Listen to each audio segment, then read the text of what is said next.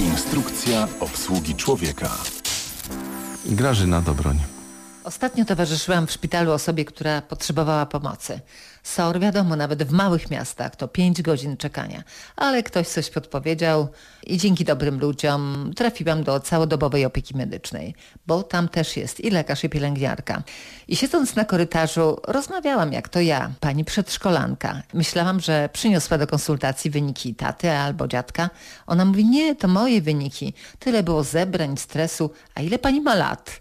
30. No to na zawał za wcześnie, odpowiedziałam. No i zaczęłam dopytywać o szczegóły. Zaczęła mówić kolejna pani, że jeszcze młodsi poważnie chorują. Na przykład jej córka, dwunastoletnia, przeszła udar i leżała na sali z dziesięcioletnią dziewczynką po zawale. No to chyba żart jakiś. Wcale, wcale. Ogromne wrażenie zrobiły na mnie też wyniki badań Instytutu Psychiatrii i Neurologii w Warszawie dotyczące depresji u dzieci i młodzieży do lat 15. 480 tysięcy choruje. Najczęstsze objawy, na które warto zwrócić uwagę, to nie tylko smutek, przygnębienie, płaczliwość, ale to, że ktoś nie chce iść do szkoły, to, że ktoś przestał cieszyć się z tego, co do tej pory sprawiało mu radość. Takie myślenie, wszystko jest bez sensu, tak mi się nic nie uda. I oczywiście brak koncentracji, snu, bóle brzucha, nudności. Aż trudno w to uwierzyć, jak zmieniła się psychiczna siła u dzieci na przestrzeni kilkudziesięciu lat.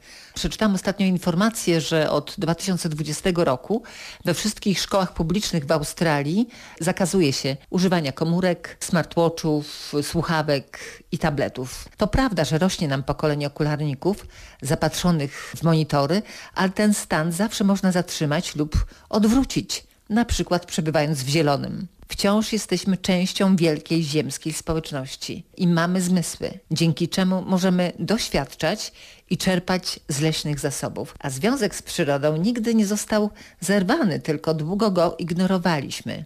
Wciąż jesteśmy dziećmi natury i wszystko, co robimy dla niej, chroni także nas i nasze zdrowie. Czy wiedzą Państwo, jak smakuje las? Gorzko i kwaśno, mówi Peter Walben, leśnik, autor wielu książek o magicznej stronie życia drzew. W najnowszej swojej książce Dotknij, poczuj, zobacz fenomen relacji człowieka z naturą.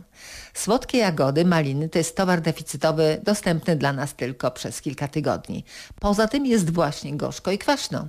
Jak to sprawdzić? No, na kolejnym jesiennym spacerze nie tylko oglądać gałązki, żółte igły modrzewia czy zielone świerkowe, ale wąchać i wgryźć się w gałązkę, osobiście sprawdzić, a jak przyjdzie wiosna, na przykład popić soku z brzozy. Nie ma wyjścia, trzeba dogadać się z lasem, skoro na co dzień wciągamy sztuczne zapachy, które na dokładkę drażnią nam jelita i obciążają organizm.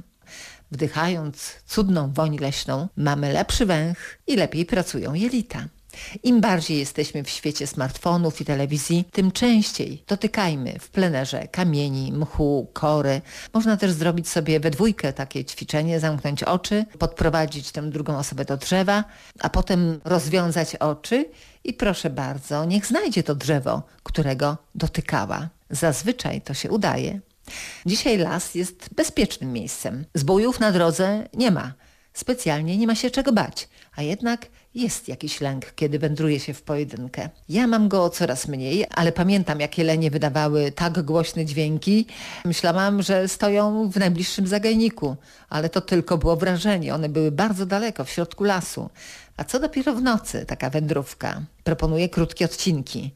Wyostrzone zmysły, wszystkie zmysły pracują, no i w ten sposób pomaleńku likwiduje się strach.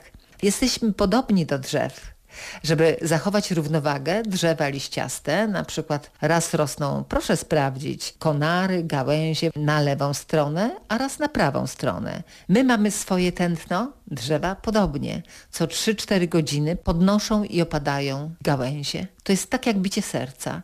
Można przytulać się do drzew, ale nic nie poczuć.